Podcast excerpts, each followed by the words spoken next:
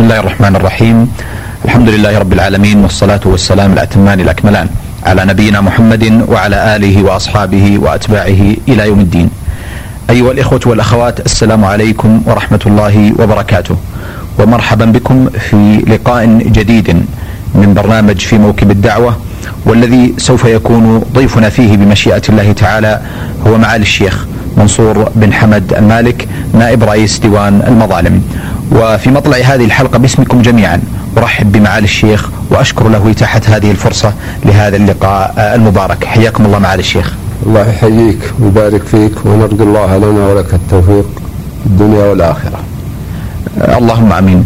معالي الشيخ حفظكم الله. اعتدنا في مثل آه، لقاءاتنا هذه مع أصحاب الفضيلة. آه، أن نتعرف في البدء عن شيء من نشأتكم آه، وولادتكم وحياتكم الأولى. أين كانت؟ بسم الله الرحمن الرحيم. إن الحمد لله نحمده ونستعينه ونستغفره ونعوذ بالله من شرور أنفسنا ومن سيئات أعمالنا. من يهد الله فلا مضل له ومن يضلل فلا هادي له. وأشهد أن لا إله إلا الله وحده لا شريك له. وأشهد أن محمدا عبده ورسوله صلى الله عليه وسلم تسليما كثيرا. أما سؤالكم عن حياتي فأنا كما تفضلتم منصور ابن حمد ابن منصور المالك. ولدت في مدينة الرس عام 1350 ودرست في المدرسة الابتدائية التي فتحت عام 1363 هجرية. وكنت في الدفعة الأولى من المتخرجين منها عام 68 وكان نجاحي بتفوق ولله الحمد. وبعد النجاح جئت إلى الرياض واشتغلت مدرسا في المدرسة الأهلية. في الرياض ثم في المدرسة الفيصلية. وبعد ذلك تركت التدريس والتحقت في المعهد العلمي بالرياض. وواصلت دراستي في المعهد العلمي ثم في كلية الشريعة بالرياض حتى حصلت على الشهادة منها ثم عينت مدرسا في المعاهد والكليات وبعد ذلك بسنتين التحقت بديوان المظالم ولا أزال أعمل بالديوان حيث أمضيت فيه قرابة أو أكثر من 35 سنة. ما شاء الله. آه، أثابكم الله معالي الشيخ. آه، في الحقيقة قبل أن ننتقل إلى جوانب أخرى آه، لازلنا في محيط حياتكم الشخصية وأعلم أن والدكم رحمه الله, رحمه الله الشيخ حمد بن منصور المالك من الشخصيات الاجتماعية البارزة في القصيم عموما وفي مدينة الرس خصوصا. وكان له رحمه الله مواقف مشهودة مع تعاونه مع ولاة الأمر في هذه البلاد ومع حبه لمجتمعه ووطنه وولاة أمره. بودنا أن تبينوا لك تبينوا لنا وللإخوة المستمعين والمستمعات شيء من آه، أبرز خصائص شخصية والدكم رحمه الله وما كان يتمتع به من صفات ومزايا. الوالد رحمه الله كان من أكثر الناس تمسكا بالعقيدة الإسلامية والأمور الدينية. وأكثرهم امتثالا لتنفيذ أوامر الله سبحانه وتعالى واجتناب نواهيه.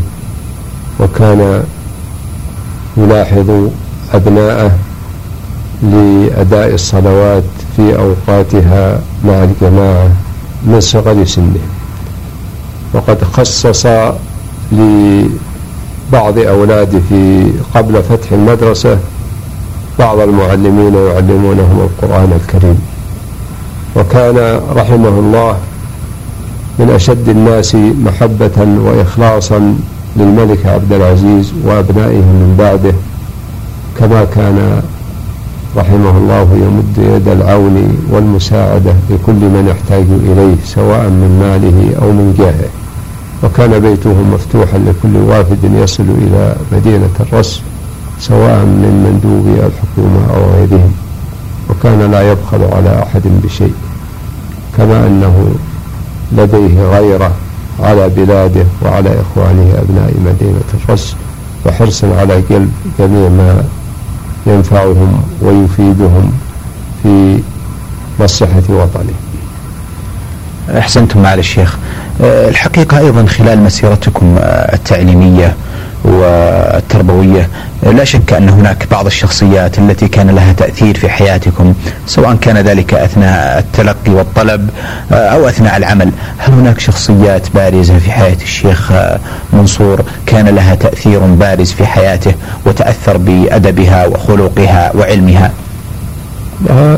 بصفتي عشت حياة الدراسة في الرياض وفي المعهد العلمي فقد كان لي اتصالا مستمرا بمشايخنا الأفاضل الكبار امثال سماحة الشيخ محمد بن إبراهيم رحمه الله الشيخ عبد اللطيف بن إبراهيم غفر الله له وكذلك الشيخ سماحة الشيخ عبد العزيز بن باز وسماحة الشيخ عبد الله بن حميد وغيرهم من المشايخ. ولا شك أن الاتصال بمثل هذا بمثل هؤلاء المشايخ الأفاضل سيكون له أثر إيجابي على تصرف الإنسان وسلوكه ونهجه التعليمي وغير التعليمي. وكان هؤلاء وغيرهم من من قاموا بتدريسي لهم الأثر الكبير في توجيهي إلى ما فيه خير لي في ديني ودنياي. أحسنتم وأثابكم الله معالي الشيخ. في الحقيقة ننتقل إلى مرحلة مهمة من حياة آه، الشيخ منصور بن حمد المالك وهي المتعلقة بعملكم في ديوان المظالم. ولا شك أن ديوان المظالم هو امتداد للنهج المبارك الذي ترعاه هذه الدولة المباركة في تطبيق آه، شرع الله سبحانه وتعالى. وهو آه، جزء من القضاء الذي تمارسه هذه الدولة في شتى مؤسساتها وأعمالها. آه، شيخ منصور أجد أنها فرصة مناسبة لإطلاع الإخوة المستمعين والمستمعات على نشأة هذا الديوان كيف كانت وما هي أبرز آه، اختصاصاته ومسؤولياته. آه، ديوان المظالم كان عبارة عن شعبة في مجلس الوزراء. وفي عام 1373 صدر مرسوم ملكي بإنشاء ديوان المظالم كجهة قضائية مستقلة ترتبط بجلالة الملك مباشرة. وهو أعلاه نظام داخلي ولائحة داخلية. واستمر العمل بهذا النظام حتى عام 1402 حيث صدر نظام ديوان المظالم الجديد. وكان فيه من التفصيل والإيضاح أكثر مما في النظام الأول حيث أصبح النظام يجعل ديوان المظالم هيئة قضائية مستقلة مرتبطة بجلالة الملك مباشرة. ومن اختصاصات ديوان المظالم النظر في جميع الشكاوى المقررة المقدمة إليه من المتعاملين مع الدولة موظفين وغيرها فيما يتعلق بأعمال الحكومة. كذلك النظر في العقود الإدارية وطلب التعويض من المتعاقدين مع الوزارات والمصالح الحكومية وهو ينظر إلى جانب ذلك. أيضا قضايا التزوير وقضايا الرشوة وقضايا الاختلاس وقضايا تزييف العملة. وينظر أيضا قضايا التأديبية وهي تأديب الموظفين الذين يسلكون مسالك لا تتفق مع حسن سير العمل في الوظيفة. وينظر أيضا في صحة وتنفيذ الأحكام التي تصدر من الدول العربية إذا كان لها مع المملكة اتفاقية تقضي بتنفيذ الأحكام فيما بين الدولتين. وثم أضيف إليها أيضا القضاء التجاري وهو الآن ينظر القضاء التجاري الذي كان ينظر من قبل هيئة الحسم هيئة حسم المنازعات التجارية. وفي من ضمن مواد النظام أنه كل ما يحال إليه من مجلس الوزراء من قضايا يقوم بنظره حتى ولو لم يكن داخلا ضمن الأشياء المعددة أو المذكورة في النظام. هذا خلاصة ما يقوم به ديوان المظالم وما يباشره طبقا لنظامه الأساسي. وهو كما تفضلتم هيئة قضائية وكما تعرفون أن الولاية مقسمة إلى ثلاثة أقسام ولاية المظالم وولاية القضاء وولاية الحسبة وولاية المظالم هي من أعلى الولايات لأنها في السابق يتولاها ولاة الأمر بأنفسهم وكان الملك عبد العزيز رحمه الله يجلس للمظالم بنفسه وينظر في كل مظلمة وينهي هذه المظالم بإعطاء كل ذي حق حقه وردع الظالم عن الظلم ومنعه من ذلك. أحسنتم معالي الشيخ. هناك صدر لائحة آه، معروفة بالمرافعات عن ديوان المظالم. آه، هل تم تنفيذ شيء من هذه اللائحة الآن؟ نعم قواعد المرافعات والإجراءات هي مكملة لنظام ديوان المظالم الأساسي وقد صدر الموافقة على هذه اللائحة بقرار من مجلس الوزراء الموقر. وهذه اللائحة منذ صدور النظام وهي تطبق بديوان المظالم وهي توضح كيف تدخل القضية إلى الديوان وتبين الإجراءات التي تتخذ نحو هذه القضية من بداية دخولها إلى الديوان حتى انتهائها من الديوان وتبين أعمال الدوائر القضائية بديوان المظالم كيف تنظر القضايا وكيف تحدد الجلسات وكيف تسلم الأحكام للمدعين وكيف تذهب إلى لجان التدقيق وتدقيقها وكيف تصبح نهائية إلى غير ذلك من الإجراءات التي أشير إليها في هذه القواعد التي يسير العمل في ديوان المظالم وفق هذه القواعد المقررة من قبل مجلس الوزراء الموقر أثابكم الله. الحقيقة بودنا أيضا نسأل عن أن البعض قد يرد عليه أن هناك تأخيرا قد يطرأ في بعض المعاملات والقضايا المنظورة أمام ديوان المظالم. ما مدى صحة مثل هذا الأمر معالي الشيخ؟ القضايا في نظري كمسؤول في ديوان المظالم أنها تسير سيرا طبيعيا. فهناك قضايا طبيعتها لا تتأخر فعندنا قضايا السجناء والقضايا الجزائية حتى ولو ما يكون فيها سجناء والقضايا التأديبية.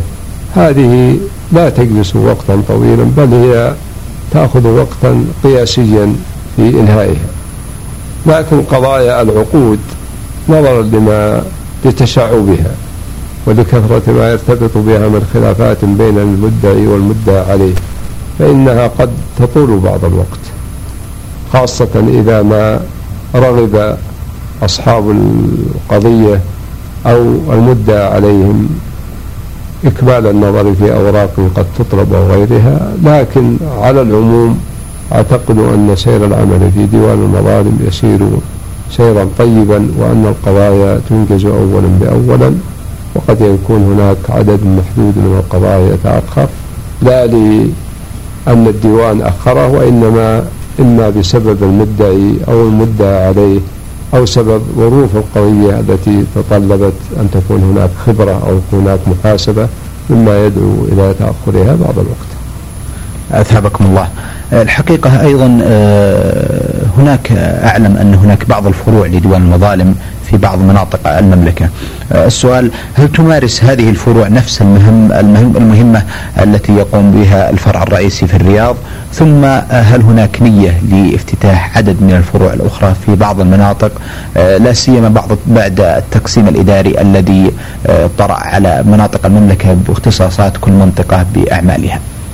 لديوان المظالم ثلاثة فروع في المملكة الفرع الأول في المنطقة الغربية والفرع الثاني في المنطقة الشرقية والفرع الثالث في منطقة عسير وهذه الفروع الثلاثة تباشر نفس المهام والمسؤوليات التي يباشرها الأعضاء في الديوان في في الديوان الرئيسي أو في الديوان بالرياض. إلا أن هذه الفروع الثلاثة يوجد بينه وبين الفرع الرئيسي بين المركز الرئيسي اختلاف بسيط وهو في موضوع التدقيق. فلجان التدقيق اللي هي عبارة عن تمييز الأحكام لا توجد إلا في الرياض فقط. أما باقي الأمور القضائية فإن العمل واحد هنا وهناك. وأما بالنسبة لإنشاء فروع جديدة فإن النظام قد نص على ذلك بأن لديوان المظالم أن ينشئ فروعا جديدة إذا ما رأى حاجة إلى ذلك والديوان آه، بصدد أو قد رفع الأمر إلى ولاة الأمر من أجل فتح بعض الفروع الجديدة في بعض المناطق ونرجو أن يتم في الوقت القريب إن شاء الله إنشاء فروع جديدة في مناطق المملكة لتسد النقص الموجود في هذه المناطق. أثابكم الله. أيضا في الحقيقة هناك قد يكون هناك حاجة لبعض المختصين للاطلاع على بعض الأحكام الصادرة من ديوان المظالم. هل هناك نية من الديوان لإصدار موسوعات تتضمن بعض الأحكام التي صدرت عن الديوان وتكون يعني قابلة للتنفيذ بمعنى أنها انتهت من مجال التدقيق وغيرها؟ للاطلاع عليها لا سيما للطلاب والمختصين في هذه الأمور. سبق وأن قام الديوان بطباعة العديد من أحكامه التي صدرت سواء من دوائر التدقيق أو من الدوائر الأولية. وهذه المطبوعات وزعت خلال الفترة التي طبعت فيها وبعد ذلك. والديوان الآن آه، قد شكل لجان متخصصة من أجل إعداد صياغة متكاملة لطبع أحكام جديدة ونرجو أن يتم طباعتها في الوقت القريب العاجل إن شاء الله. أثابكم الله معالي الشيخ في الحقيقة أن آه، عمل الديوان عمل ضخم وهائل وكبير ولا شك أن مسؤولياته متعددة. آه، هل هناك نية لإنشاء مركز معلومات متخصص للديوان بمعنى أنه يتضمن جميع الأنظمة الصادرة عن الدولة واختصاصاتها بما حتى يتيسر لناظر القضايا من القضاة وغيرهم. آه، إنهاء أي قضية بأسرع وقت ممكن من جراء الاطلاع والاتصال بهذه المراكز أو المكتبات المتخصصة في هذا المجال. فيما يتعلق بجمع الأنظمة والقرارات الصادرة من الدولة وفقها الله تقضوا أن هيئة الخبراء ووزارة المالية ومعهد الإدارة آه، يعملون على هذا الشيء وقاموا بجانب كبير كبير نحو جمع هذه الأنظمة والتوفيق فيما بينها ومعرفة ما طرأ عليها من زيادة أو تعديل. وديوان المظالم آه، لا أعتقد أن أن من مهمته جمع هذه الأنظمة ولكنه يستعي يأخذها من الجهات التي أصدرتها لتكون تحت نظره أثناء نظر القضايا. لكن هناك عندنا شعبة تسمى شعبة القضايا هذه مهمتها حصر القضايا ومعرفة الوارد منها والمنتهي منها والمتبقي منها وطريقة حالتها. هذه المهمة التي نقوم بها وهي تكريس عملنا للعمل القضائي فقط. أثابكم الله معالي الشيخ. في الحقيقة ننتقل إلى جانب آخر وهو جانب شخصي متعلق في حياتكم.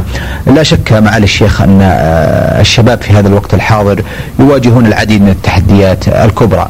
وفي المقابل أيضا يرفلون ويعيشون بنعمة عظيمة ننعم بها في هذه البلاد ولله الحمد وهي رخاء العيش والأمن والاطمئنان. ما هي الكلمة التي يوجهها معالي الشيخ منصور بن حمد المالك لأبنائه الشباب في هذا الوقت الحرج والتأكيد على ما تعيشه هذه البلاد ولله الحمد وما كانت عليه سابقا. كلمتي التي أوجهها إلى إخواني شباب هذه المملكة هي أولا التمسك بالعقيدة الإسلامية والمحافظة على أوامر الله عز وجل واجتناب نواهيه حتى يحصلوا على السعادة في الدنيا والآخرة. وأوصي نفسي وجميع من يسمع مني أن نستمر على العمل الصالح وأن لا نستكثره بل نرى أن ما نعمله قليلا ونواصل العمل من أجل أن نفوز برضا ربنا عز وجل ونسعد يوم القيامة في جنات النعيم. أما فيما يتعلق ب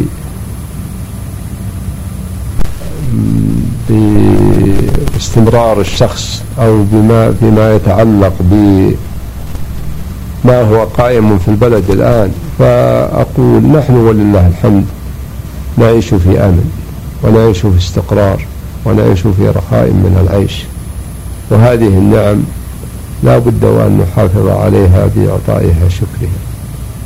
ولا شك أن الأمن والاستقرار ورخاء العيش إنما يأتي من بذل وجهد ولاة الأمر وفقهم الله. فالمملكة العربية السعودية منذ أن وحدها الملك عبد العزيز وجمع كلمتها وهي تعيش في أمن واستقرار وازدهار في العيش ولله الحمد. ولا شك أن صاحب الفضل يجب أن يحفظ له الفضل وأن يكافأ بالدعاء وأن يدعى له بالمغفرة والرضوان لما عمله. وقد نهج أبناؤه من بعده نهجة. وقاموا بالمحافظة على هذا الأمن والاستقرار وبذلوا جهدهم من أجل رخاء البلاد وازدهارها ونموها وتطورها في جميع المجالات. وهو شيء حاصل وملموس ولله الحمد. والواجب علينا أن نحمد الله على هذه النعم وأن نكون دائما مع ولاة أمرنا في السمع والطاعة وأن ندعو لهم في ظهر الغيب بأن يوفقهم الله ويعينهم ويسدد على طريق على طريق الخير خطاه. أثابكم الله معنا الشيخ. آه، أيضا آه، بود الحقيقة هل هناك تأثير للشيخ منصور بن حمد المالك على توجهات أبنائه في آه، أثناء تعليمهم أو دراستهم للتوجه إلى نفس التخصص الذي سلكه معاليكم؟ بالنسبة لأولادي لم أحدد لهم النهج الذي يريدونه وإنما تركت لكل شخص أن يتجه الوجهة التي يرغبها. فابني عبد الله الأكبر اتجه إلى قسم الآثار ودرس في الآثار حتى تخرج من كلية الآداب قسم الآثار. أما الإبن محمد فإنه اتجه إلى إلى العلوم الحديثة وما يتعلق بالكمبيوتر والأجهزة الخاصة ودرس في هذا المجال حتى أخذ شهادة الكلية.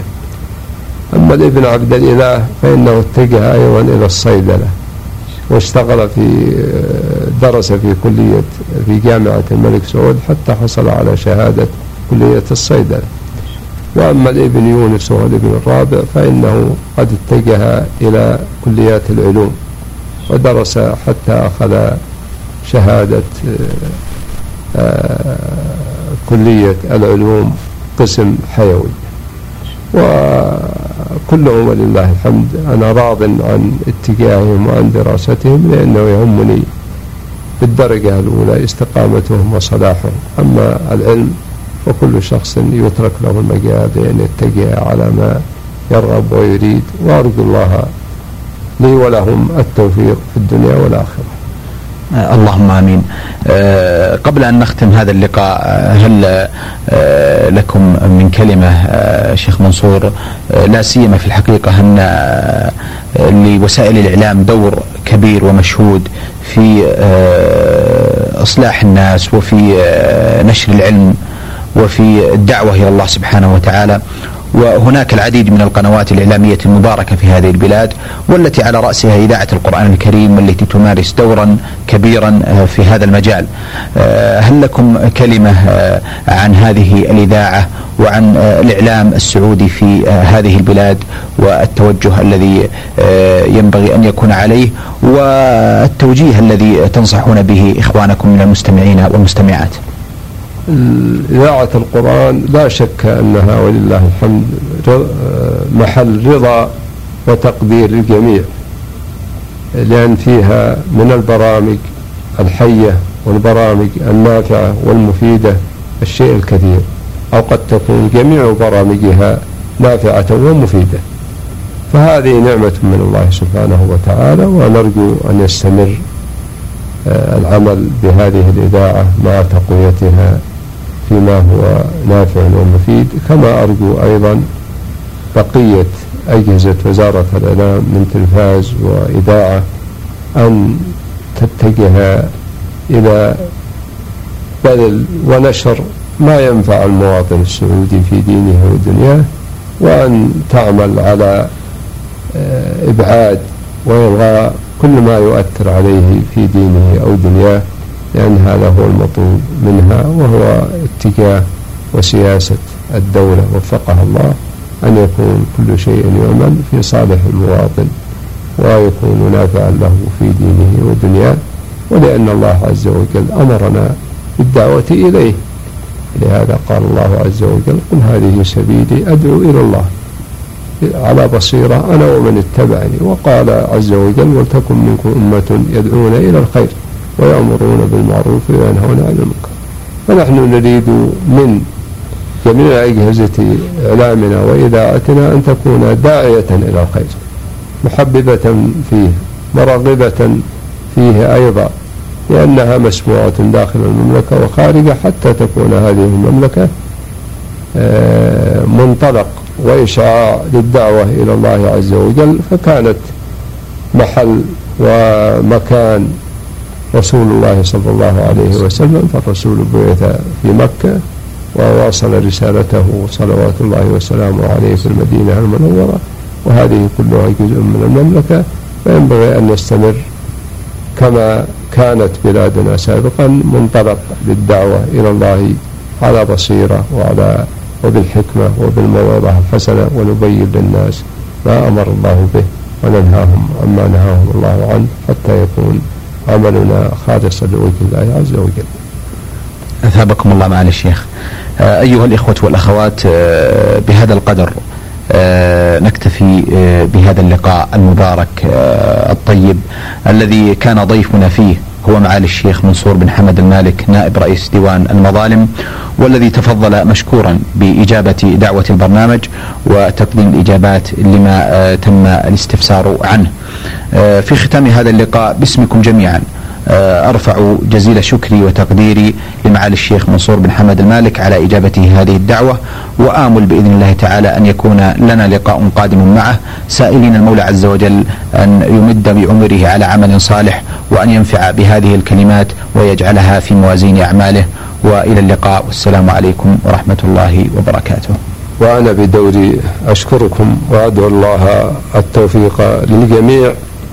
وأرجو ممن سمع هذا اللقاء أن يصفح ويعذر عما فيه من تقصير. أثابكم الله معالي الشيخ. إلى اللقاء أيها الإخوة والأخوات. والسلام عليكم ورحمة الله وبركاته.